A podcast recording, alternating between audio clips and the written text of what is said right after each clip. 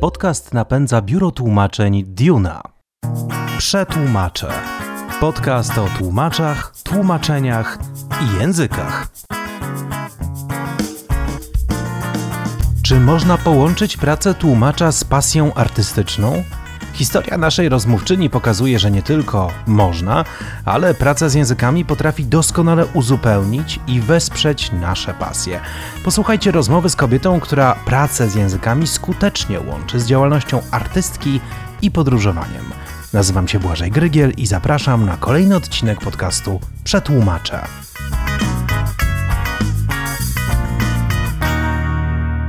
Jestem Matylda Górska. Jestem tłumaczką, podróżniczką i artystką cyrkową. Takie nietypowe połączenie. No rzeczywiście nietypowa droga życiowa. E, zacznijmy od tłumaczenia. Skończyłaś studia z tym związane. No jak to się stało, że jednego dnia jesteś tłumaczką, jednego dnia jesteś artystką cyrkową? E, skończyłam studia faktycznie z tym związane. Najpierw filologię romańską na Uniwersytecie Adama Mickiewicza w Poznaniu. Potem miałam rok przerwy na podróżowanie, ponieważ to jest też jedna z moich pasji. A potem e, odkryłam nowo otwarty kierunek wówczas e, studia dla tłumaczy konferencyjnych e, na tym samym uniwersytecie. To są takie bardzo fajne studia, które polecam wszystkim, którzy się interesują tłumaczeniami ustnymi. Są one sponsorowane częściowo przez Unię Europejską i no jest tam bardzo dobry sprzęt, bardzo dobra kadra i no w ogóle po prostu naprawdę najlepszy poziom nauczania, jaki, jakiego dotychczas doświadczyłam w Polsce. I te studia były super. No i jak skończyłam e, studia, to zaczęłam e, od razu praktycznie e, pracować jako tłumacz ustny na różnego rodzaju konferencjach, ale też jednocześnie równolegle rozwijała się moja druga pasja, którą jest cyrk. I tutaj bym chciała powiedzieć słówko o tym cyrku, bo to zupełnie nie jest taki cyrk, jak sobie większość ludzi wyobraża. To nie jest taki cyrk z namiotem, słoniem i klaunem. E, tylko to, co robię, to jest nowy cyrk, albo cyrk współczesny, inaczej zwany. I jest to e, taka fuzja, no jak wszystkie współczesne sztuki, w zasadzie e, gdzieś tam na pograniczu e, różnych dziedzin. Jest to fuzja najczęściej e, umiejętności tych takich stricte cyrkowych, pochodzących e, z cyrku tradycyjnego, jak żonglerka albo akrobatyka, z innymi dziedzinami, jak na przykład teatr, taniec, multimedia, jakieś wizualizacje albo muzyka na żywo. E, to wszystko się wydarza w cyrku współczesnym. I no jest to bardzo ciekawa dziedzina sztuki, dająca ogromne pole do popisu. E, i, i też ogromne pole do wyobraźni. I pozwala też być sposobem na życie, e, o czym mam nadzieję zaraz mi opowiesz. E, jak to właśnie wyglądało, jeżeli chodzi o połączenie tłumaczenia z, z cyrkiem, tym nowoczesnym cyrkiem? No i przede wszystkim, dlaczego wybrałaś akurat tłumaczenie konferencyjne? Bo wielu tłumaczy, z którymi rozmawiam, jednak woli sobie spokojnie usiąść i popracować nad tekstem. Ciebie tekst nie pociąga. Ja lubię emocje i lubię podróże, a to wszystko się właśnie wiąże z, wiąże z tłumaczeniem ustnym. E, no, jeżeli ktoś e, lubi występować przed ludźmi, jeżeli ktoś lubi odrobinę takiej adrenaliny e, mieć w pracy, no to tłumaczenie ustne jest zdecydowanie strzałem w dziesiątkę, dlatego że to jest po prostu ciągły kontakt z człowiekiem, to, są, to wymaga bardzo szybkich reakcji, szybkiego myślenia, ponieważ często mamy no, ułamki, sekund, ułamki sekund na decyzję o tym, jak dane zdanie przetłumaczymy. No i też musimy oczywiście brać pod uwagę wszelkie konteksty kulturowe, nutkę dyplomacji. E, I też jeszcze dodatkowo jest ten element, który mi się bardzo podoba, czyli ta podróżnicza strona e, tłumaczenia konferencyjnego, dlatego że często jest tak, że na jakieś spotkanie jedziemy lub lecimy do innego miasta lub do innego kraju, bądź obcokrajowcy przyjeżdżają do Polski. Więc to się wszystko wiąże też z przemieszczaniem się i to jest fajne. Dla mnie przynajmniej to jest fajne.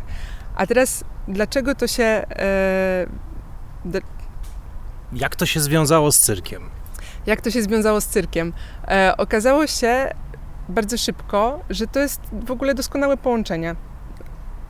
Cyrk jest, cyrk i sztuka są e, taką domeną bardziej kreatywności, ale też fizycznej pracy, no bo to trzeba faktycznie pójść na trening, ruszyć ciałem albo zrobić ten pokaz, który jest po prostu fizycznie wymagający.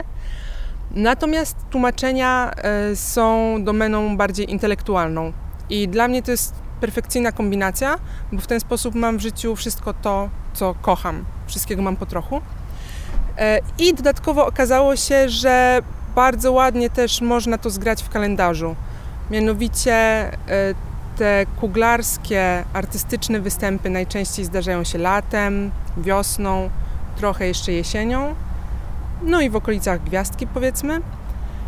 Natomiast tłumaczenia e, na jakichś spotkaniach biznesowych, no to często była domena jesieni, e, dajmy na to, kiedy właśnie firmy wracały po urlopach do normalnej, wytężonej pracy, ruszały z kopyta z projektami i, i wtedy właśnie takie rzeczy się działy. Jesień, zima. Także y, po prostu jak jest ciepło, to najczęściej robiłam y, więcej występów, a jak jest zimno, to więcej konferencji. Taki model biznesowy sprawdził się u Ciebie? U mnie się sprawdził doskonale. Czasami się nawet zdarzało, że w ciągu jednego wyjazdu udawało mi się zahaczyć i o konferencję, i o występ. I wtedy musiałam na przykład e, pakować walizkę tak, żeby mieć w niej i kostiumy sceniczne, i eleganckie ubrania e, do pracy tłumacza. E, jaki język jest Twoją specjalnością? Jakie języki są Twoją specjalnością? Mm, moim głównym językiem jest francuski. Zakochałam się w nim już w podstawówce i tak zostało do dzisiaj. A drugim moim językiem jest angielski ale mówię też troszeczkę po hiszpańsku, trochę po rosyjsku. To bardzo ułatwia, ta kombinacja języków bardzo ułatwia podróżowanie, ponieważ w zasadzie gdzie się nie ruszę, to mogę się jakoś dogadać. Najczęściej tak jest. Okej. Okay. Eee, powiedz mi, jeżeli chodzi o pracę w cyrku, czy tam się ta wielojęzyczność przydaje? Czy pracujesz e, z trupami polskojęzycznymi, czy wielojęzycznymi?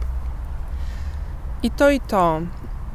Ze względu na miłość do Francji i do języka francuskiego, zaczęłam bardzo szybko podróżować w tamte rejony i oczywiście poznałam tam kuglarzy, cyrkowców, którzy potem zapraszali mnie na przykład do współpracy. Więc nieraz występowałam we Francji albo w Belgii, e, także pod tym względem to się przydaje. I ogólnie języki w ogóle przydają się w tym e, w tym środowisku cyrkowym, dlatego że no jest to pewna nisza. I e, jak każda nisza ma taką tendencję do rozpościerania takiej siatki międzynarodowej, że ludzie z różnych krajów ze sobą się kontaktują, e, razem spotykają się na międzynarodowych zlotach, na których są warsztaty i pokazy. Są nawet bardzo duże festiwale międzynarodowe, żonglerskie i cyrkowe no, na których można spotkać ludzi z całego świata. Dwukrotnie w Polsce było organizowane EJC, czyli Europejski Konwent Kuglarski. E, największe tego typu wydarzenie na świecie i to były po prostu tysiące ludzi z całego świata, artystów, cyrkowców, kuglarzy, którzy przyjechali do Lublina specjalnie po to, żeby wziąć udział w tym wydarzeniu chciałbym jeszcze przejść do trzeciego tematu, o który chciałem Cię zahaczyć, ponieważ lecisz, znowu gdzieś Cię goni, tym razem e, goni Cię na Bałkany. Dlaczego właśnie życie zagoniło Cię na Bałkany? Bo to też trochę się wiąże z tłumaczeniami.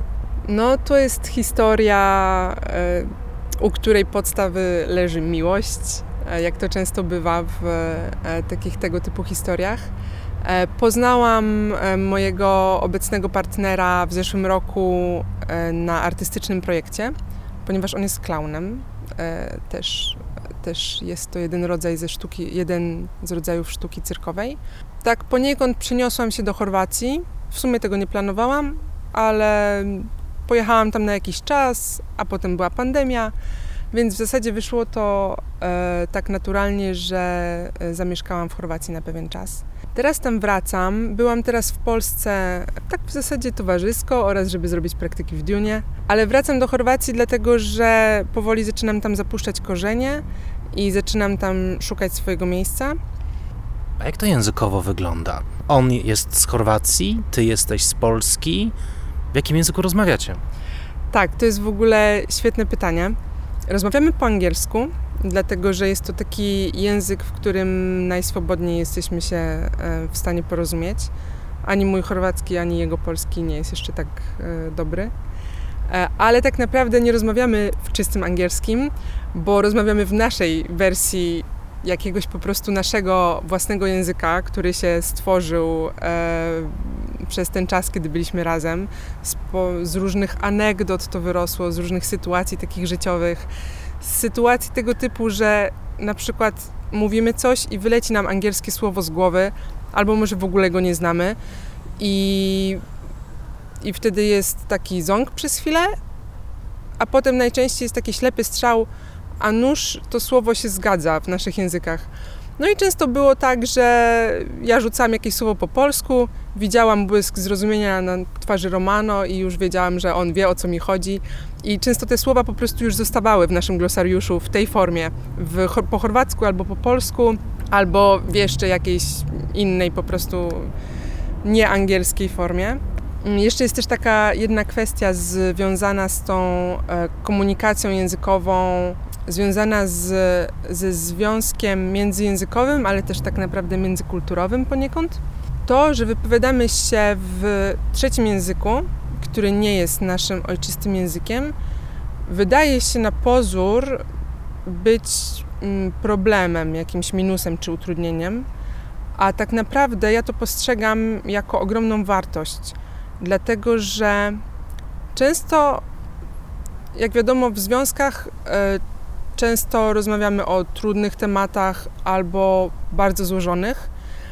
I mam wrażenie, że mówiąc w swoim własnym języku, jeżeli mówimy o czymś, co jest dla nas trudne, to mamy tendencję do chowania się za słowami, uciekania w jakieś kwieciste wypowiedzi, które tak naprawdę przykrywają sens, zamiast go rozjaśniać.